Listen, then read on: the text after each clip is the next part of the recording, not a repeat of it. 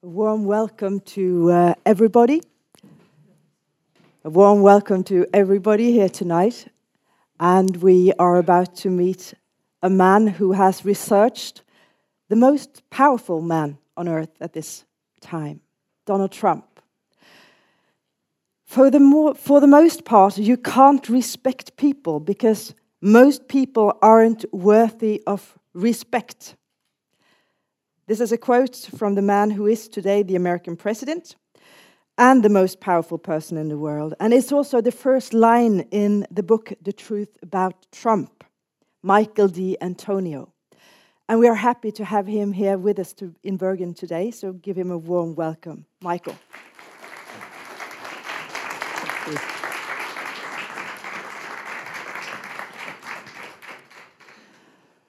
Michael, this question to all writers how did you pick that first line, that first sentence in your book that I just quoted? Why? Why? Well, when I heard this come out of his mouth, I was uh, with a friend who assisted me, and I explained to you earlier this evening that Donald is one of the few people uh, for whom one must bring a witness to an interview. You, you, actually brought a, witness, a witness yes, to an interview. Yes, Why? Yes. Uh, no, because there is no agreed reality with him.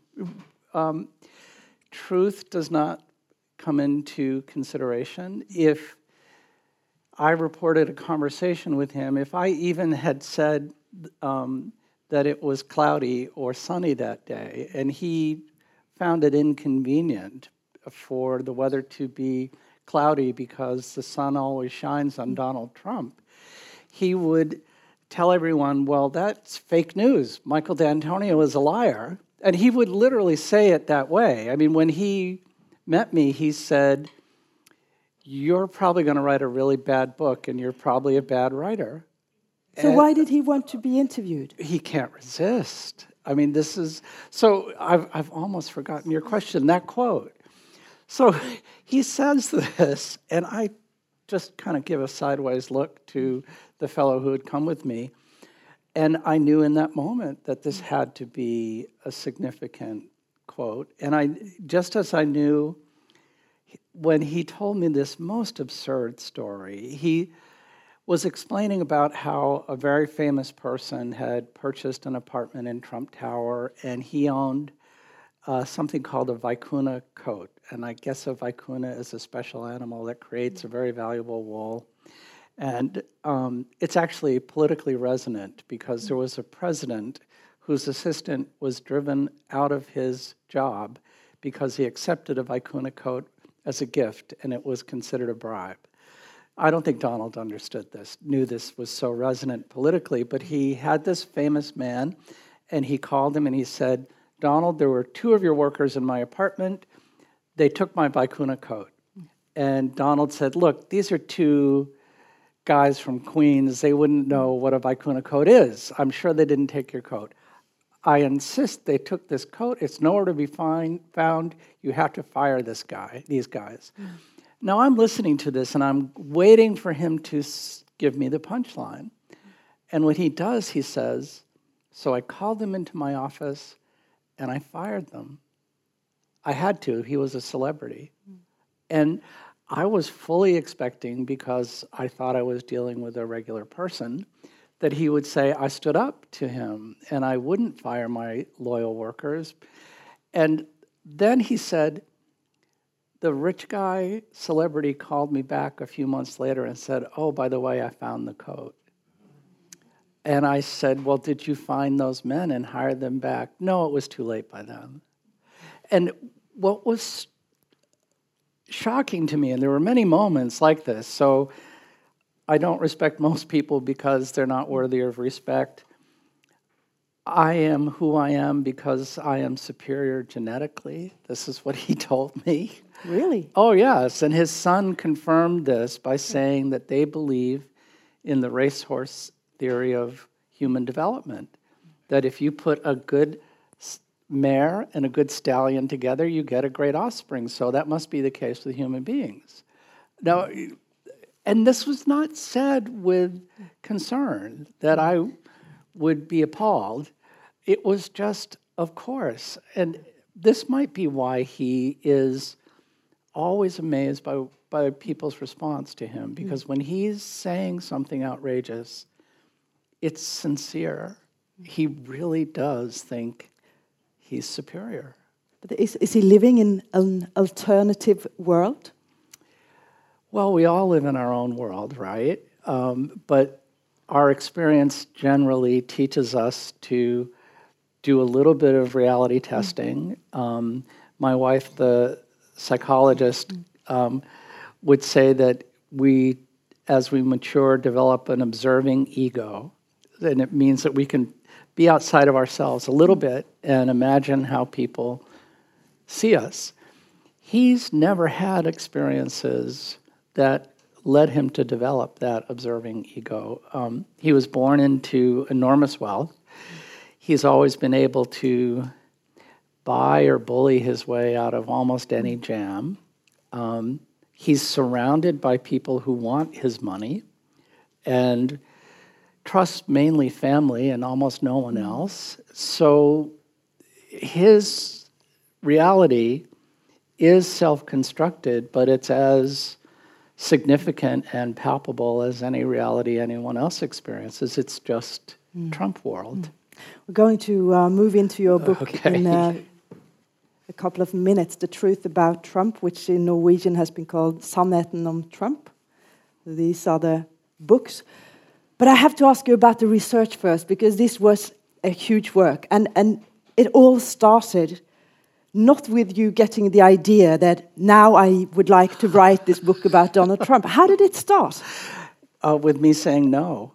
You know, the, my publisher, who's a very smart guy and he understands what sells, um, had tolerated my production of a serious book that hardly anyone bought. It was, it was a, a, very serious book. Well, it was about the sexually abused crisis in the Catholic Church, and no one had done a kind of history of this, and it was very painful material. I try to write things in an almost novelistic form, so people ha- were immersed in the story of kids being harmed and then people seeking justice. And in the end, it's inspiring, but it's a tough read. It's not something you grab at the airport to entertain yourself on the plane.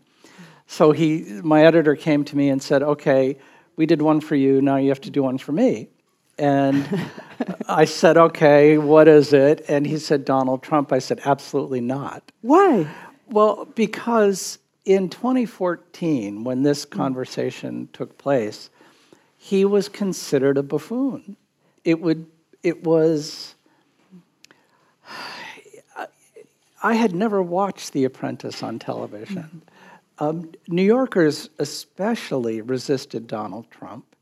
Um, there have been polls about his popularity going back to the 1980s, and he consistently has uh, about 65% negative in New York City and about 35% positive, and it's never been different because we sort of know him. We know that this bragging guy has always been around telling us crazy stories, most of which turn out to be false.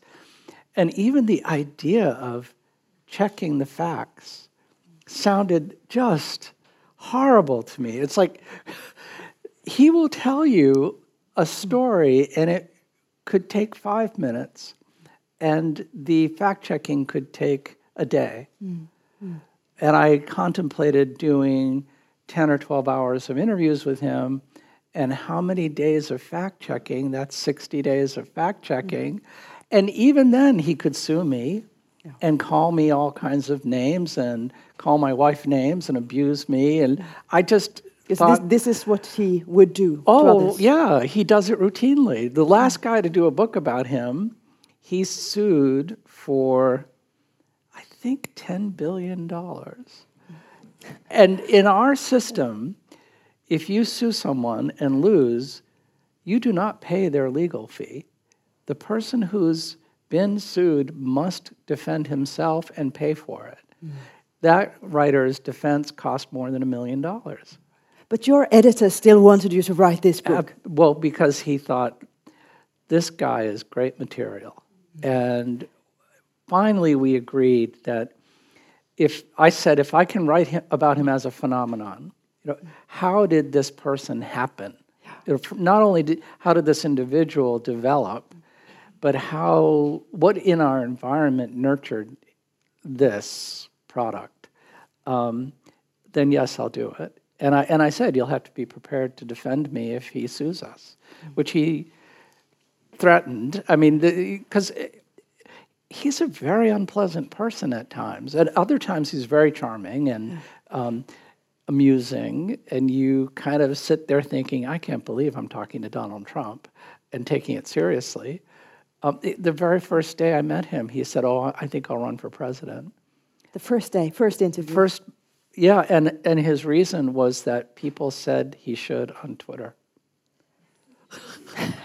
and what did you think? What was your I, response? I thought I thought it was ridiculous. I, the idea that Donald Trump would be president seemed um, laughable, and um, we went out on the sidewalk, my friend and I, and we talked about how crazy this was. You have to understand when you go into his building, that in itself is a surreal experience because he has elevator operators dressed in tuxedos. Who, goes into a building in 2014 and has a guy in a tuxedo operate the elevator and take you upstairs? And when you get to his outer office, there are a couple of very enormous guys with guns standing around. And the only purpose of that is to intimidate you and make a statement. And then when you're ushered into his office, he'll have, in the moment that I visited him, him the first time, he had Mike Tyson's world championship belt just thrown on the floor. and it was there because um, Mike had given it to him to repay a debt. And the wall beside him is covered in magazine covers of him, of Donald Trump, of Donald Trump, mm. and and it just it all seems like a like you're walking onto a movie set and now you're in a movie, and he's in a movie. It's it's lit very properly, uh, very theatrically, and you there's no sense that anything that is happening is happening for a real reason. It's always, I got the impression that every moment was scripted by him, and every inter, interruption seemed to be staged. A person bustling in to hand him important papers. Did that person have to bustle in and hand him the important paper at that moment? I doubt it. But he wanted someone to come in and say, Mr. Trump, I have this. And his desk was covered with articles about himself. Visible for oh, you yes, to see. Yes, uh, the only memo was a memo from Ivanka. It was an interoffice memo where he had distributed to everyone an article about Donald Trump, and they had to sign to say they had seen it. But the last one came back from Ivanka, and it said, "Great job, Dad." And and I just thought can this be true that this is actually mm-hmm. happening? And I still don't know. Oh. And, and you, you were supposed to have seven meetings, interviews with Donald Trump. Yes. It became five. Why? Well, first, I had to endure him telling me I was a terrible writer and it was a bad book and I was not a good guy. and that he'll, he couldn't possibly do it. it it's like um, maybe you have honest used car salesman. We don't have honest used car salesman. So if you go to a used car lot in the United States and you have your eye on a car, all of a sudden that car's not for sale. Oh, I, I think I sold that to somebody else. You, I can't possibly let you have that car because with every minute that passes, the price of that car goes up $100. So Donald couldn't possibly let me do this book with him. He would not cooperate you know, you'll probably write something awful. I'll probably hate you. I'll have to sue you. I couldn't possibly do it. And I knew by the time I left it would be yes. Right. So by the time I left it was let's do seven sessions. And you set this up with my assistant and it was a priority for him. You know, I always saw him first thing in the morning. Mm. Um, there were, it would be in his residence. Um, he, it was publicity is his lifeblood. So everyone in let's see, this is a funny thing. Every reporter in Manhattan knows you can get Donald Trump to give you an interview, uh, and people still can call his private phone now. If if he gave you the number, and he's wandering around in the White House in his bathrobe at ten o'clock at night, and you call, he'll answer. You actually had somebody do that?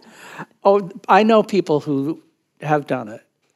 I, I ran into a friend of mine whom Donald favors. He really likes him, and he taught, He said to me, "You know, he's not really mad at you." but he he stopped after the five sessions. That well, was, you know. So we had this plan, yeah. and it and it was he knew when he agreed that he would control most of it because he doesn't have to answer the question, and he's very skilled at not answering questions.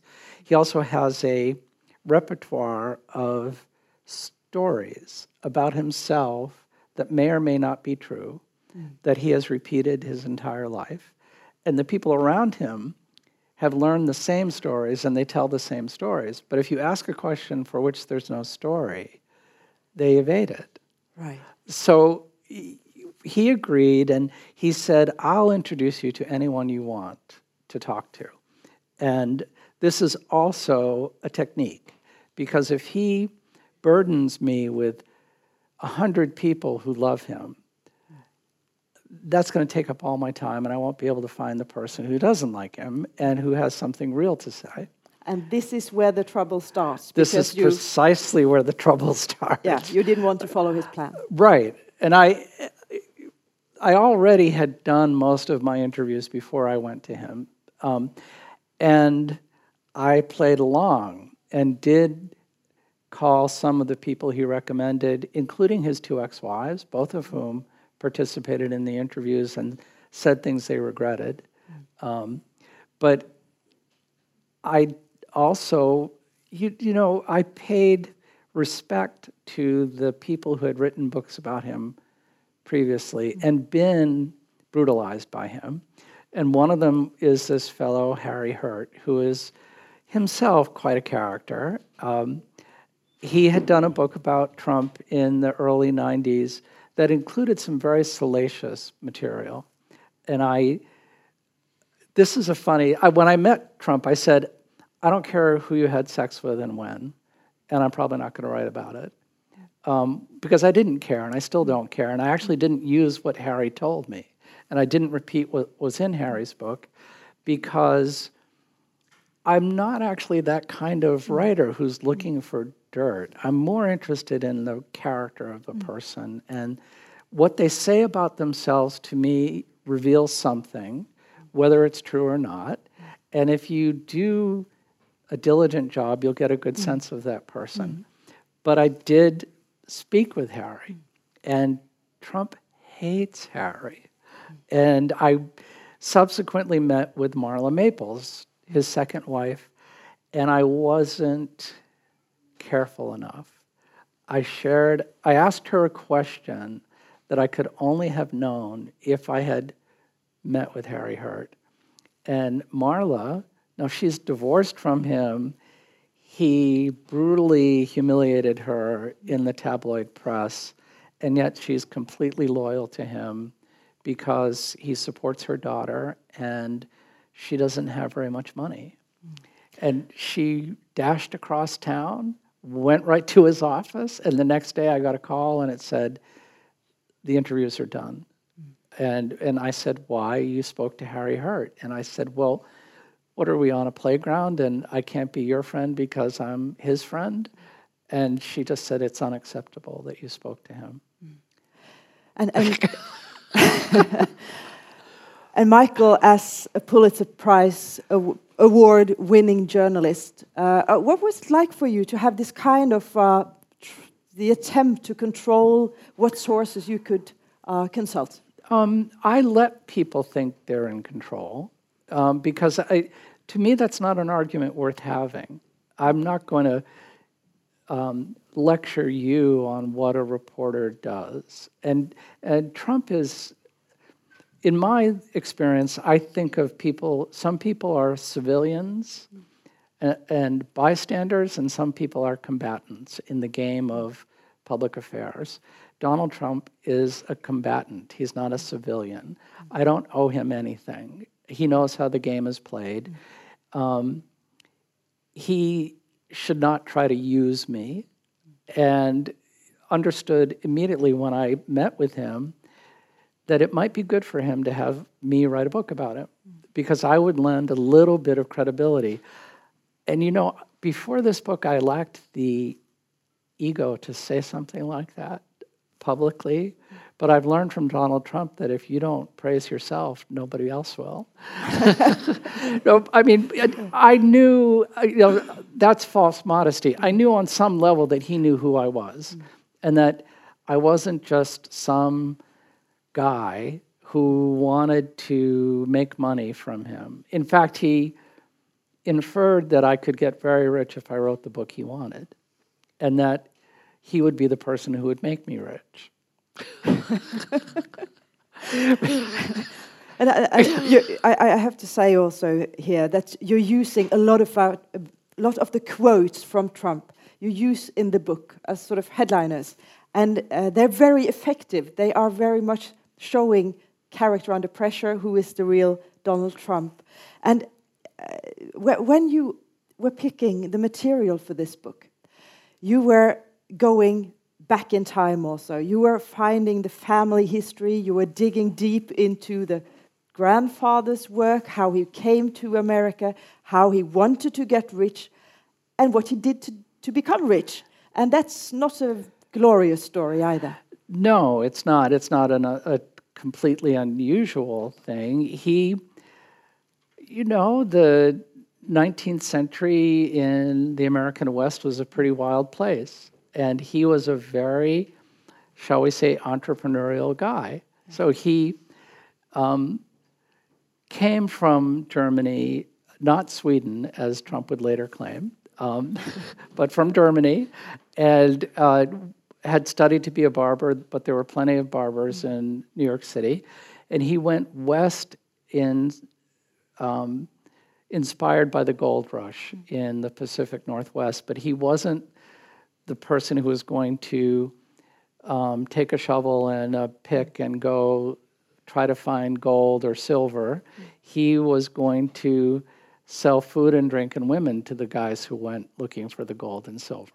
And, and, this started with a lie. He actually lied about finding gold. And why was that? Well, he wanted a piece of land. And you could get it if you if you if you staked a claim, if you said, I found something on this unclaimed land. Now, somebody possessed this land. Uh, perhaps it was an Indian tribe, perhaps it was the federal government, but they had a, a system for exploiting the natural resources that allowed people to, if they put in the work to claim that bit of property and try to exploit it but he was not interested in mining. So, so, what he did was he sat on somebody else's land, built a building on it, and started business. And he was very successful, even though the miners were not. Mm-hmm. This wound up being a um, unproductive area. And the I think it was one of the Rockefeller family, if I can remember this clearly, who promoted the, the idea so Rockefeller bought a lot of these rights. People came out and exploited them and made claims. He sold the access by railroad to this territory. He was going to process all of the ore. When he got a report that there really was no valuable minerals there, he quietly sold out and left. And soon after, the miners figured it out and the value of their claims collapsed and they had to leave. Mm. Now they went to the Yukon, and so did Trump's grandfather. And this is an amazing, grueling environment where people would trek for hundreds of miles up mountain passes, and um, people like Trump's father would set up a place to serve food where a horse had died because the horse would be the meat. And then they would move on a little further and import things to serve. And the Yukon was productive. There was a lot of gold found, a lot of money around. Um, Trump once again squatted on somebody else's land, didn't have a right to construct a hotel and a restaurant where he did, but he dealt in alcohol and again in prostitutes and food and cheated a partner and ran away. So this is the start of the family wealth. Yes, this is the now you know often behind a great fortune is a great crime, and in this case, this is a pretty wily operator. There were plenty of guys in the West who did the similar things. He went back to New York City with his fortune and then went home to Germany to find a bride and returned to New York City, still with quite a fortune, and uh, left it to his son. And you, you spend quite a lot of time in your book describing this period and then Donald Trump's father, how they were actually constructing the fortune, how they were building the family's wealth. Yes. Why, why did you uh, focus so much on that? Well, one of the great things that happened in America in the post war era, this was almost socialism, so it um, is not something that I think Donald Trump today would um, talk much about, but the government created these programs to lend money to builders who promised to create housing for returning veterans and the middle class. And in New York City, apartment buildings were sufficient. You didn't have to create a housing development and sell homes. Mm. But his father um, would bribe the officials who gave out the money with television sets and watches and probably cash. He manipulated these loans, um, doing things like the project would have a provision 5% for an architect, but he wouldn't hire an architect. He would use a plan that he had already used once and then collect the 5% and give it to himself. And he got caught doing all of this. And there were many um, investigations and ultimately a big hearing in the United States Senate. And Fred Trump goes down to Washington and is adamant that he's done nothing wrong. And if you read the transcript of this hearing, it's like a comedy routine. He would, he, it was Donald in 1957. I mean, he would say things like, um, now, Mr. Trump, there's a 5% architect's fee in the uh, bid that you gave to the government for your money. Um, why did you charge that fee? Because it's allowed. And then the person would say, but you didn't, leave, you didn't use an architect. How could you charge a fee? Because I'm permitted to charge a fee. It says right in your um, booklet describing how these projects are to be conducted that 5% is allowed for the architect, but there was no architect. That's not my problem, that's your problem. and he did this for two or three hours. And as you read it, you get dizzy watching it. Now, there were other people who appeared. One fellow was questioned, rose from his chair, and had a heart attack. He took it so seriously. Um, this panel was convened at the president's insistence. He was outraged that his soldiers were coming home and being cheated. Trump would borrow the money, build really fast, collect the rents by opening the building before reporting to the government that the building was opened, keep all that money, and then on the date when he said he was going to open, then start reporting the income and then start paying the loan back. But during that period, he accumulated, in one case, a million dollars. So in 1957, that's a lot of money. So when when Donald Trump comes around, there is a lot of money in the family already. He's- there's a lot of money and there's a lot of funny stuff going on. Hmm. He his father would sit at home at night, call up someone and say, "This is Mr. Green. I'm wondering if you would be interested in selling your home." And then the person would say, Well, maybe I'll sell Mr. Green. And then the next day he'd call the neighbor and he'd say, This is Mr. Black calling. Because he didn't want anyone to know that Mr. Green is trying to buy a lot of properties and may do something big. Because then your home could be worth more. Now, was, it, was this a lie? Of course. But it was amusing to his family, and it was how the Trump family got rich. I, there's so much. There was another case where he got caught. He did this, he created hundreds of companies. So I, I'm building a government funded project, and the project allows me to rent a tractor um, for $500 a week. So then I create another company that buys an old tractor for $500 and I rent it to myself for $500 a week. But the money that I'm paying for it is given to me by the government, which permits $500 a week for the rental of a good tractor. So in the first week, it's paid for, and in every other week, it's just pure profit that he's taking for himself to build a project for himself, but it's paid for by the government. this, then this is the business uh, kind of logic that Donald Trump grows up with. Yes. And, and how is it affecting, affecting him? Because you're also following Donald Trump from childhood and, and right up till he becomes a very successful uh, businessman at an early age. And, Well- and can you see a red thread there? Well, yes, he admires his father very much, but his father is also very cold, um, very demanding. He teaches his children, You're a killer, you're a king. Those are the words that he repeats in their ears. It's almost their bedtime prayer.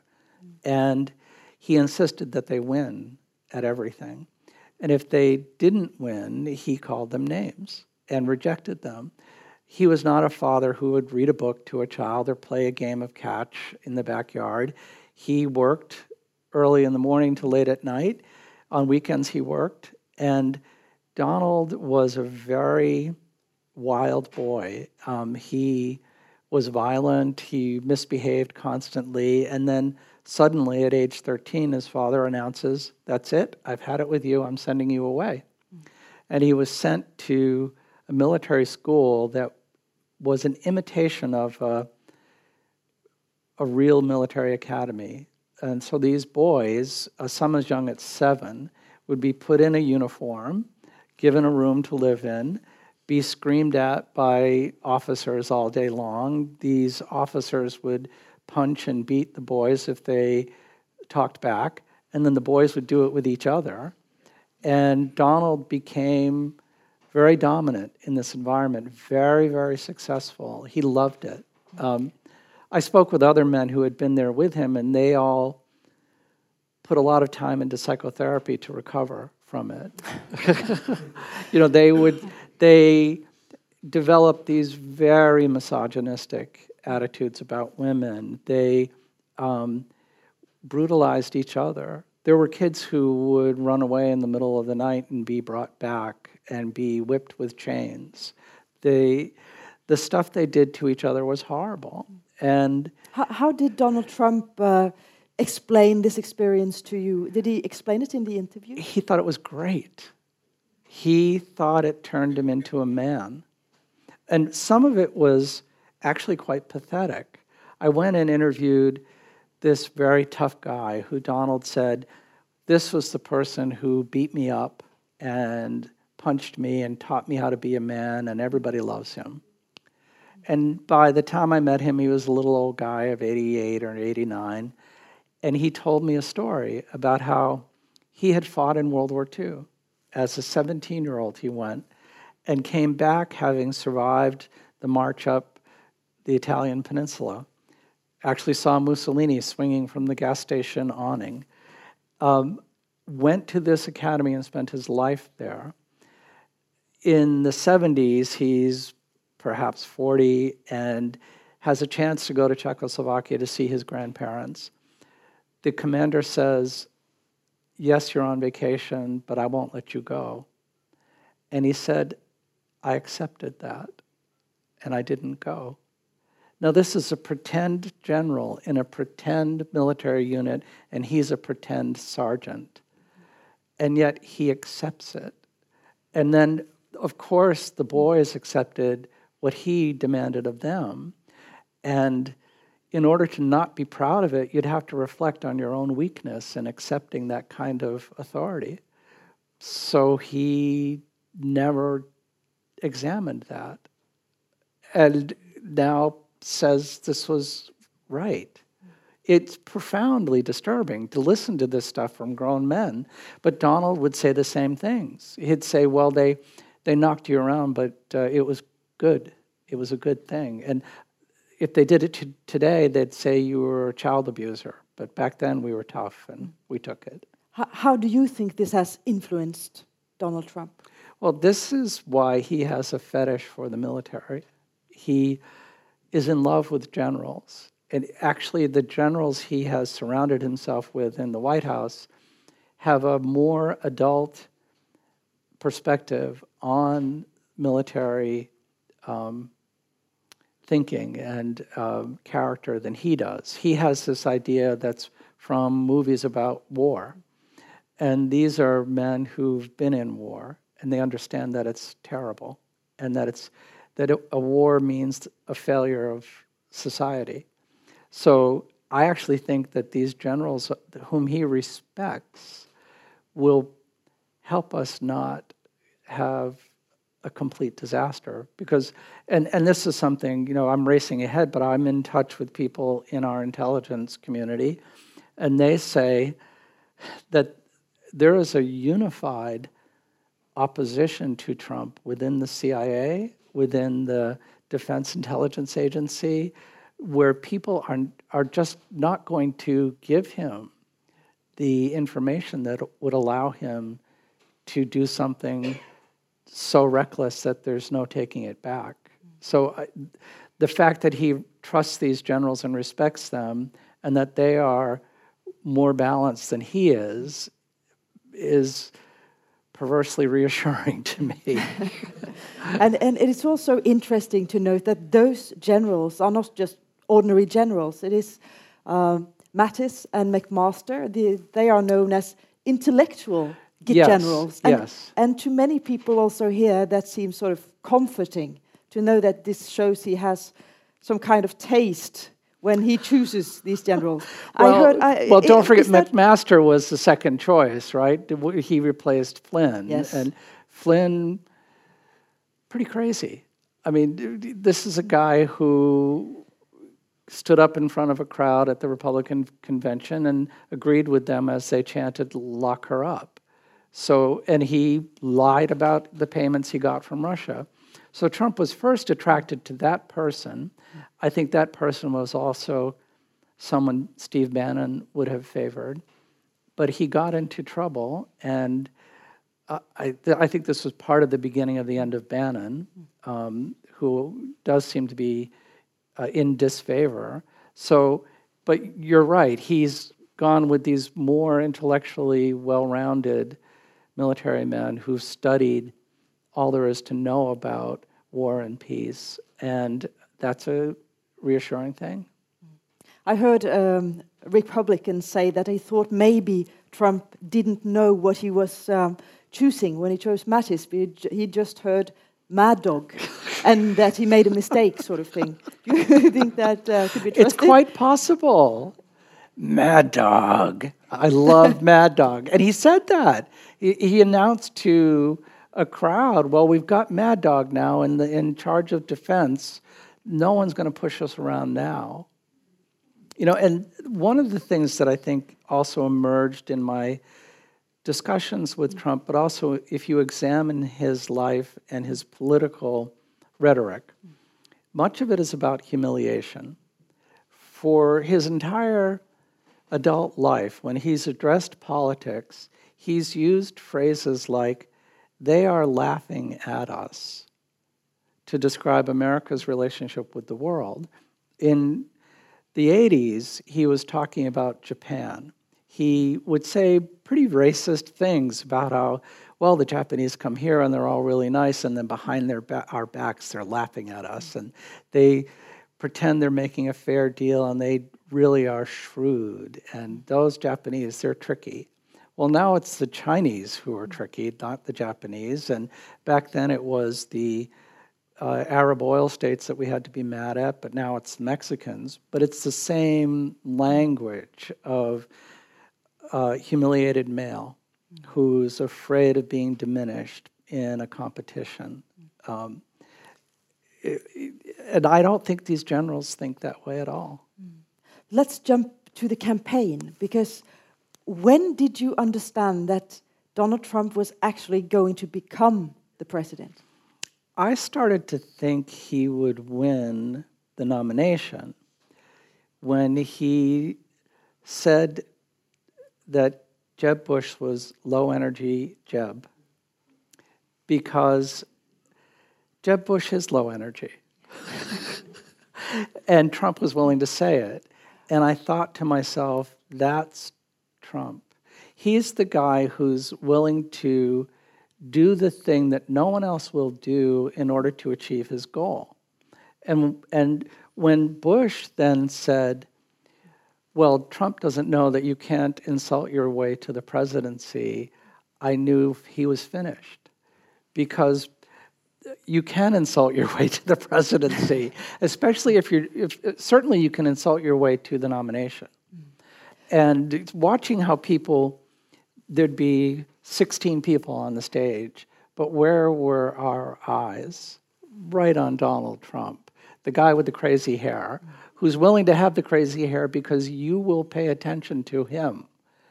That, I mean, that hair is a trademark. It's like a neon sign that says, Here is Donald Trump. He knows that. So he's happy to have that hair because no one will ever mistake that they were in the room with Donald Trump. But he also seems to be quite easily offended if somebody talks about his rug. Well, um, first of all, it's not a rug because he'll, what he'll do, and it isn't. It's it's his hair. But I mean, I had to pretend to be Donald Trump on Japanese TV and do my hair uh, because they do crazy. You know, their TV shows are, or this show was called the Really Great Lecture Show, and they have B list celebrities who pretend to be students, and then I pretend to be the professor, and I teach them about Donald Trump, and I had to pretend to do my hair with hairspray. So he had surgery on his hair, a scalp reduction surgery, that took skin out from the top. It didn't go well, and, and it was very painful, and it didn't take. So then he was left with this strategy of combing it down and then combing it up and combing the sides, all to cover. But it really is his hair.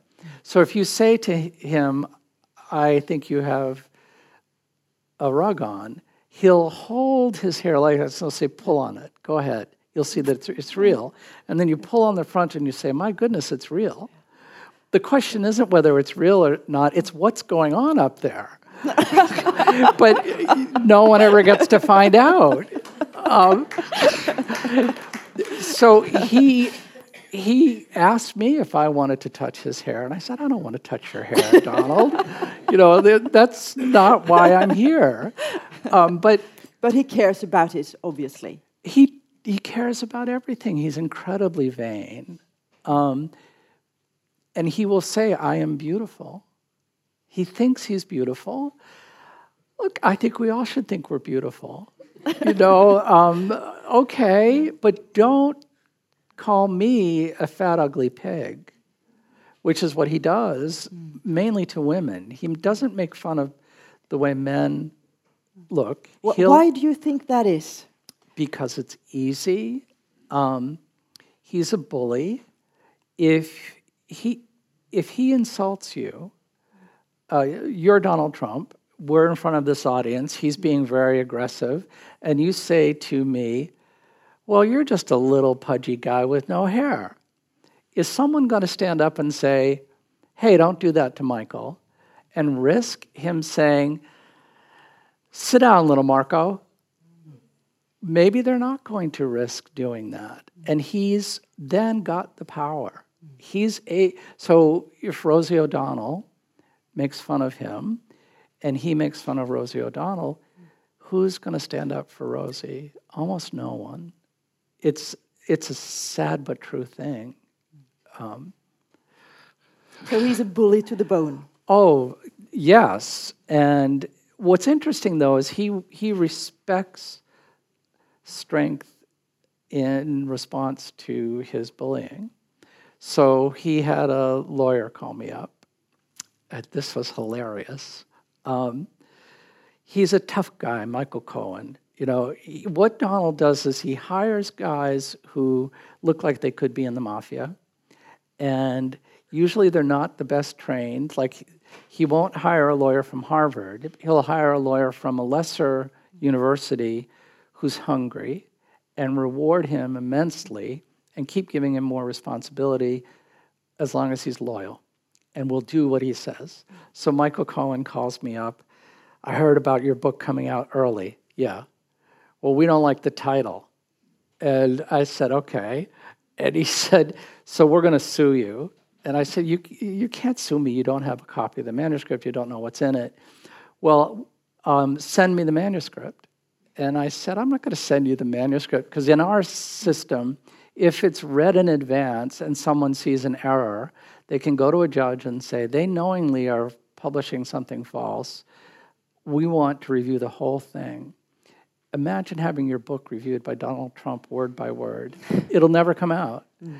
And so I wouldn't answer his questions, and he'd say, You're not giving me anything. And I said, I'm not supposed to give you anything. And, and then I came back to him and I said, So when has anything ever been enough for Donald? And he started to laugh. And he said, The truth is, it's never been enough for this guy. And I said, I know. So why are you doing this to me? I have to be tough with you. And I said, Okay, so you can be tough. And we hung up. He then called my publisher and did the same thing, but was very brutal and hung up saying, You just bought yourself a fucking lawsuit, buddy. And the result of that was another review of my book by the lawyers at the publishing company that cost them thousands of dollars, produced no changes, but was tormenting for all the people involved. The book came out, they couldn't contest anything in it. It was reviewed as scrupulously fair, but also alarming, which is all you have to do is tell the truth about Donald, and people are alarmed. And, and, and you know, he's never complained about it. There is one issue that uh, is uh, ongoing when it comes to Trump, and that is the Russia connection. And you are working on it. Still, yes. And there is, uh, I was just visiting the US, and, and there is a lot of attention to anything about Russia and Donald Trump and his people. And it can seem a bit hysteric, almost like a hysteria. But is it? Absolutely is there more not. the story? There is so much there. I mean, this is a um, phenomenon that I did notice as I was working on the biography.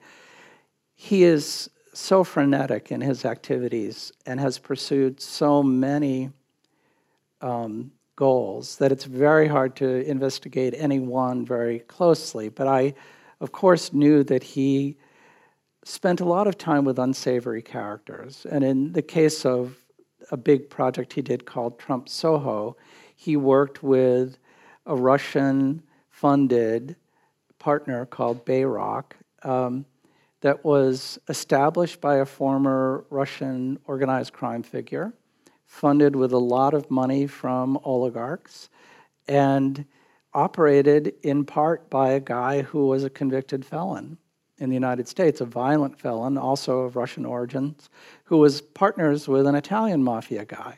And all of this was pretty well known.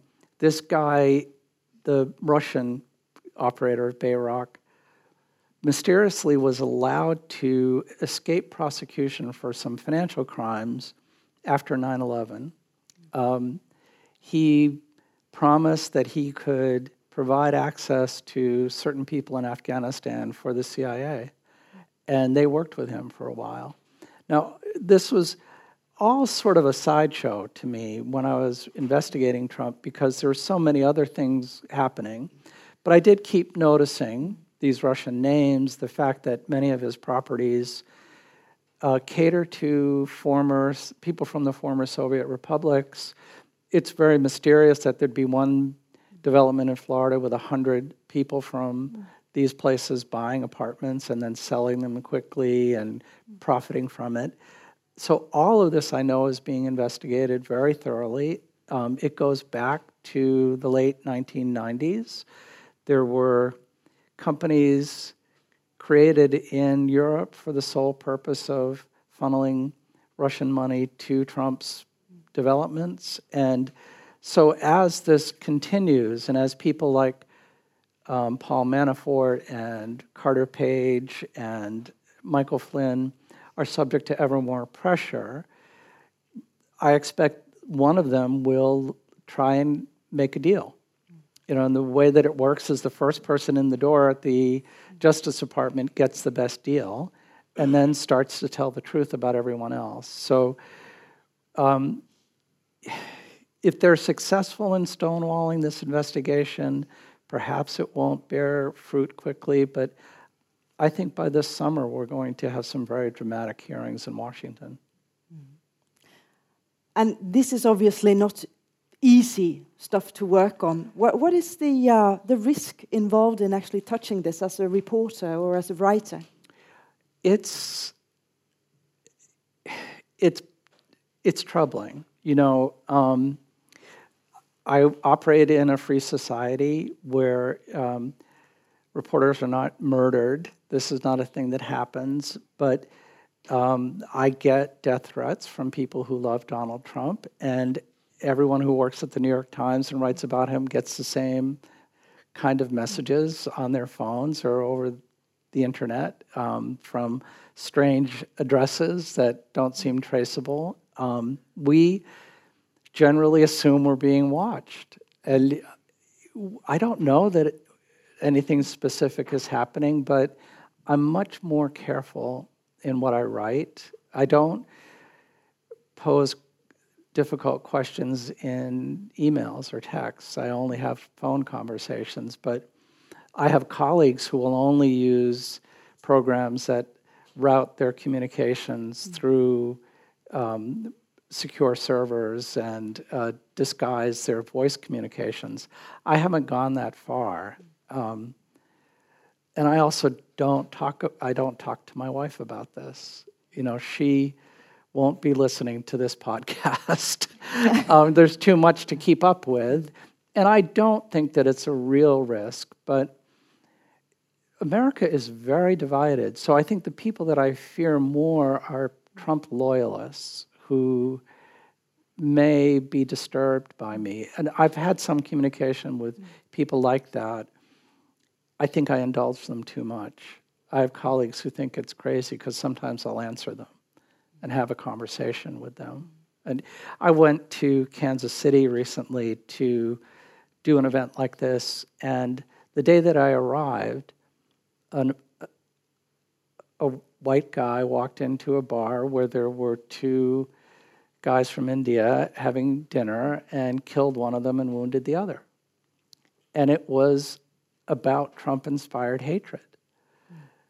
During the campaign, there were people assaulted with the uh, assailants using Trump's name and beating up people because they thought they were immigrants. So, this is a kind of environment that we haven't seen in a long time in the States, and it's because he's willing to use this kind of rhetoric and take the extreme method that other people wouldn't dare do. But his need to win is so great that he's willing to do it. Why do you think he's attacking the media and even the, his own secret services to such an extent that he is? It's to deprive the country of reality. You know, there, this has been going on. Um, the far right has been attacking the press consistently since Nixon, and with the rise of Fox News in the early 1990s, it became a very intense campaign to um, degrade people's trust in the mainstream media. Um, with specious claims, you know, it would be the kind of thing where if I reported that your eyes were not the color that they are, you would then say, You can't believe anything in this article because he got the color of my eyes wrong. And everything else that's far more important would be accurate. But if you say over and over again, fake news, the dishonest media, it opens the door for you to be the um, provider of fact. And then if you lie habitually and continuously, and people listening are left to choose between your lies and what you say is the lie of the press, where do we have any solid ground on which to stand and talk to each other? We don't.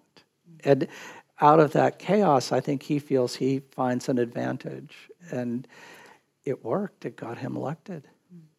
And your book has been published in many countries, and you've met people many places. And what is the question you hear most often? How afraid should we be? You, and actually, this. So I, I finally got CNN to start paying me because I just would go in there every week and talk to them. And I got to know the stage manager on Anderson Cooper's show really well. She's a really kind person. And when I met her the first time, she said to me very quietly, How screwed are we? And I said, Pretty screwed. And that, that is how I feel. But so that's the question. Most folks want me to predict the future. I can't. But I am less worried than I was when she asked me because the march that was in response to the inauguration was overwhelmingly successful. There were one in 10 Americans participated in those protests. That's never happened before. The court response to his attempt to ban Muslims was very powerful and uh, widely hailed. The uh, failure of his repeal and replace Obamacare effort was a great defeat for him. And I actually think I see him slowing down a little bit. You know, there's it's as he would say, who knew it was so complicated?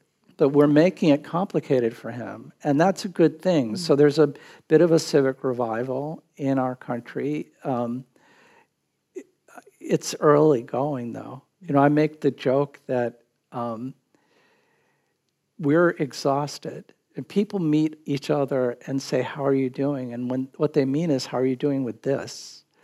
And he's been president for less than 100 days. It feels like a couple of years. And what I say is, you know, this is a presidency being conducted in dog years. and we're just going to have to accept it. Well, what do you think? It's 100 days on Saturday, I think. Yes. And what do you think is the most significant thing that has happened for those first 100 days of the presidency? I think the most significant thing was his accusation that Obama bugged Trump Tower and the response to it, because that crystallized the Trump dynamic.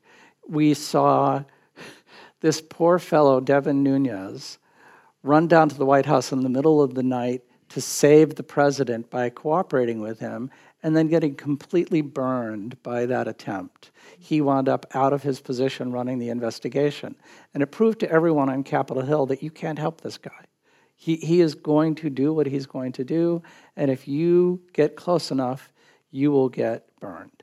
So I think that the outrage that attended that, um, the response to it that was included the punishment of this member of Congress, the reaction by John McCain to what Trump has been doing and Lindsey Graham, two guys that he turned into enemies during the campaign but are now coming back mm-hmm. to haunt him. All of this indicates to me that this is fluid Um, and there's a reason to hope. Um, in terms of positive achievements, he discovered that NATO isn't obsolete and that China can be of assistance. And I think those are two positive mm-hmm. things too. And as we speak now, of course, there is North Korea and there is uh, heavy pressure uh, there. And, and with your knowledge of Donald Trump, how do you feel about this situation where we see the, the tension building and uh, the US sending warships and so forth in that direction? Well, if he had not had the opportunity to um, deploy phallic objects in Syria, I would be worried that he would be doing it now. But he got that out of his system. He was looking for a place to bomb um, and to uh, demonstrate his masculinity and distract from the Putin Russia uproar. The fact that he did that makes me think that he's less likely to do it in North Korea. I also think that the South Koreans and Chinese have um, implored him to uh, demonstrate some restraint. I think he will. This is a manufactured crisis. There's no reason for this. And he was humiliated by declaring the aircraft carrier was heading in one direction when it was heading in the opposite direction. Uh, maybe he's learned a bit from that. So I would be surprised if we have a military conflict there. The risk is just too great.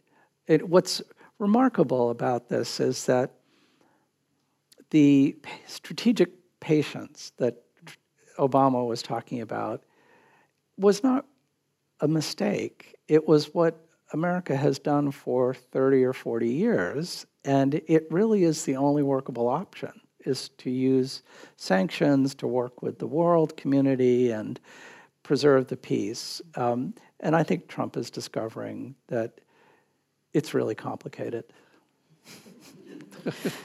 Many thanks, Michael D'Antonio, for coming and, and sharing your knowledge and Thank research you. with us. Thank, Thank you. you so much.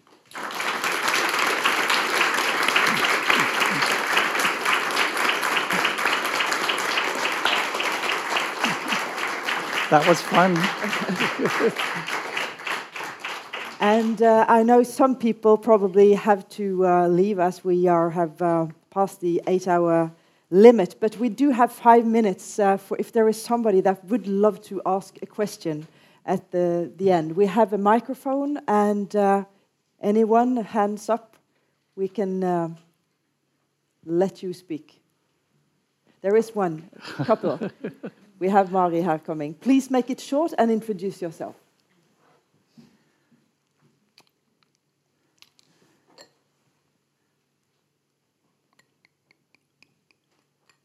Hi, uh, my name is Jan de Jong. Uh, my question would be, uh, what do you think the reality of uh, the presidency has done to uh, Trump's ego?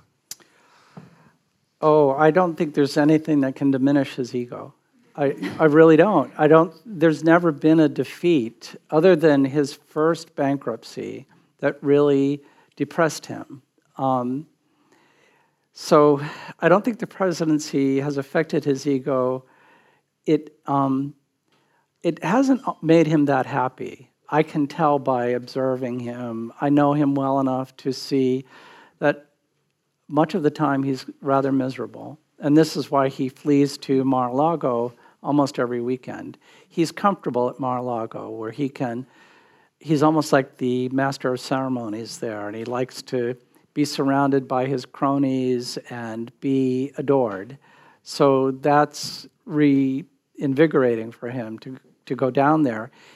He might enjoy the pomp of it. He's demanded a carriage ride in when he visits the Queen, so uh, that kind of thing he loves. So, so it would um, boost his ego.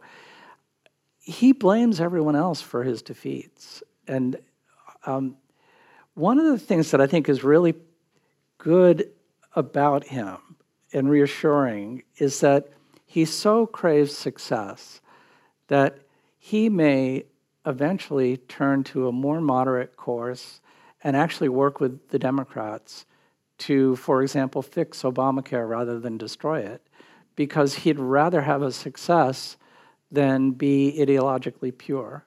And so um, that's also his ego at work. But nothing would diminish, and, and we have to be careful about what we say is ego, because um, it is his ego at work that is showing us all these disturbing behaviors, but it's not confidence in the way that he's expressing it. It's actually profound insecurity. So we all know that the bully is the most frightened person in the room often. Um, so, but this bragging, um, insistently self confident and uh, aggressive nature, I don't think is going to be changed by almost any experience.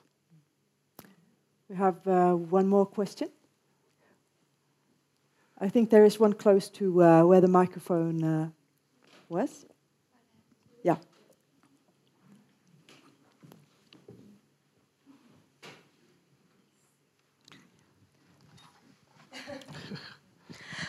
Hello, my name is Maria Berg Before the US election, I read a fairly lengthy interview with an expert on US politics.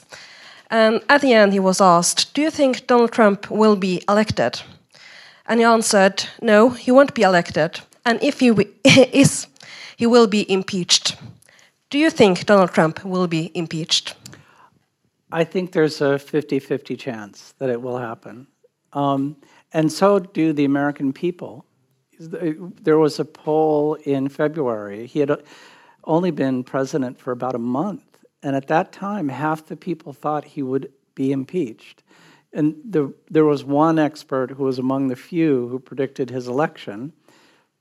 And after his election, he predicted that he would be impeached. And I don't, I don't know what the pathway to that will be. I'm not certain that it would happen, but I think it's possible. And I, I think um, the seed of it is this problem with the Russian interference, campaign cooperation, his history with Russia, and the attempt to cover up the facts. Because um, they're now not responding to the investigators. And that suggests to me that there's something pretty bad there. We have a final question. We have, we have many hands now, but uh, I think this will be the, the final question because some people have to leave. Uh, my name is uh, Åse. Uh, if you should give one explanation of how he got elected, uh, what would your main explanation be? My honest feeling is racism. Racism. Yeah, I, racism and misogyny. So there was a deranged response led by Trump to Barack Obama uh, that was uh, centered around this birtherism thing where he would insist that Obama really wasn't American. And there was a real dissonance among a strong minority, but a substantial minority of Americans about having an African American president. And they this is something that the Republican Party has been moving toward and exploiting since the 60s. There was something called the Southern Strategy. And the idea of the Southern Strategy, I'll quote a, um, a Republican who admitted this. He said that in the 50s you said nigger, nigger, nigger. And in the 60s you said welfare, welfare, welfare. And in the 80s you said crime, crime, crime but it was all the same message don't let the black people get anything. And, you know, there were Democrats who did it too because it was a way to get elected. And there was an energy to that racism. I think Trump, you know, Obama got elected because the country was in a crisis. And getting a guy, Barack Hussein Obama, elected president of the United States was just only going to happen when nobody else really wanted the job. And so that now we're going to give it to that guy. And with Clinton's, so, so this anti-Obama thing was mobilized by racism, and it was something that Trump personified. He was the leader of the overt expression of racism against Obama, um, and with the, with Hillary Clinton. Um, her lifelong record made it difficult for her to defend herself against certain charges, but there was also uh, there were a substantial number of Americans who cannot imagine a woman being the president, and it included a great many women. And it was easier for them to say, "She's dishonest. I don't like her," than to say, "I don't trust a woman in that office." But at the core of it, it was a lot of that. And I think we're going to end there just by saying that your next book will be on Hillary Clinton. Yes. So we'll meet here again, hopefully. Thank you very much. Thank you all for coming.